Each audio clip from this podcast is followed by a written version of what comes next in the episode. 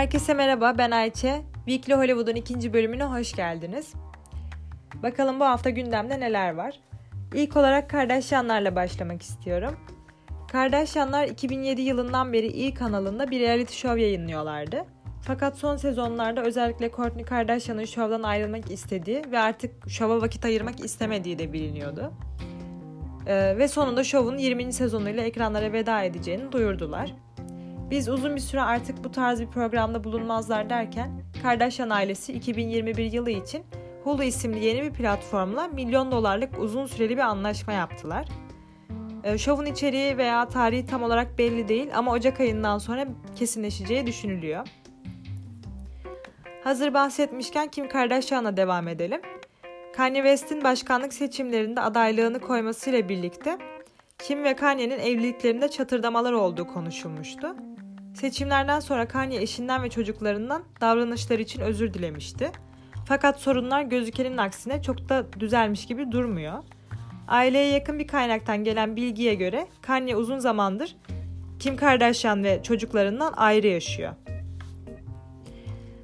Diğer haberim Dakota Johnson'la ilgili. Dakota Johnson geçtiğimiz günlerde bir mağazadan çıkarken görüntülendi.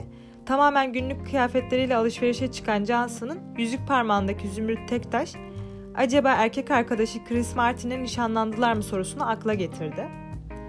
Aynı şekilde Lana Del Rey de bu hafta kafalarda soru işaretleri bıraktı. Pazartesi günü Jimmy Fallon'ın programına katıldı ve bir performans sergiledi. Fakat performanstan daha çok dikkat çeken şey Lana'nın parmağındaki yüzüktü. Hayranları Lana Del Rey ve Ağustos'tan beri birlikte olduğu Clayton Johnson'a nişanlandıklarını düşünüyor. İki taraftan da açıklama gelmemesine rağmen Lana'nın Instagram gönderilerinde de yüzüğün sürekli gözükmesi aslında tahminleri doğruluyor diyebiliriz. Biliyorsunuz ki Britney Spears yazdan beri babasıyla mahkeme sürecinde. Britney'nin babası Jamie Spears CNN'de bir programa konuk oldu ve oradaki konuşmasında Britney ile davadan önce aralarının çok normal olduğunu, hatta dava açılmadan bir gün önce telefonda konuştuklarını söyledi.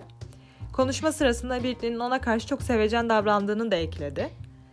Ağustos ayından beri kızıyla konuşmadığını söyleyen Jamie Spears, bunun sorumlusu olarak Britney'nin avukatını gösterdi. Jamie Spears Britney'i çok özlediğini, onun korunmaya ihtiyacı olduğunu ve onu babası olarak korumaktan vazgeçmeyeceğini de söyledi. Daha doğrusu davada geri adım atmayacağını belirtti.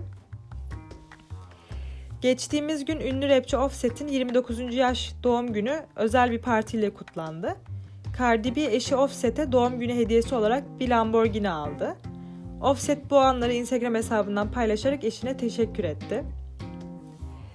Son haberimse Lil Wayne ile ilgili. Lil Wayne'e geçtiğimiz yaz Florida'da Kaliforniya'ya giden havaalanında silahla yakalandı. Ee, eski bir hükümlü olduğu için Florida eyaleti tarafından ateşli silah bulundurmaktan hakkında 10 yıla kadar hep hapis cezası istendi ve suçlu bulundu. Lil Wayne'in ceza davası 28 Ocak 2020'de yapılacak. Ee, haberlerim bu kadardı. Haftaya görüşmek üzere. Beni dinlediğiniz için teşekkür ederim.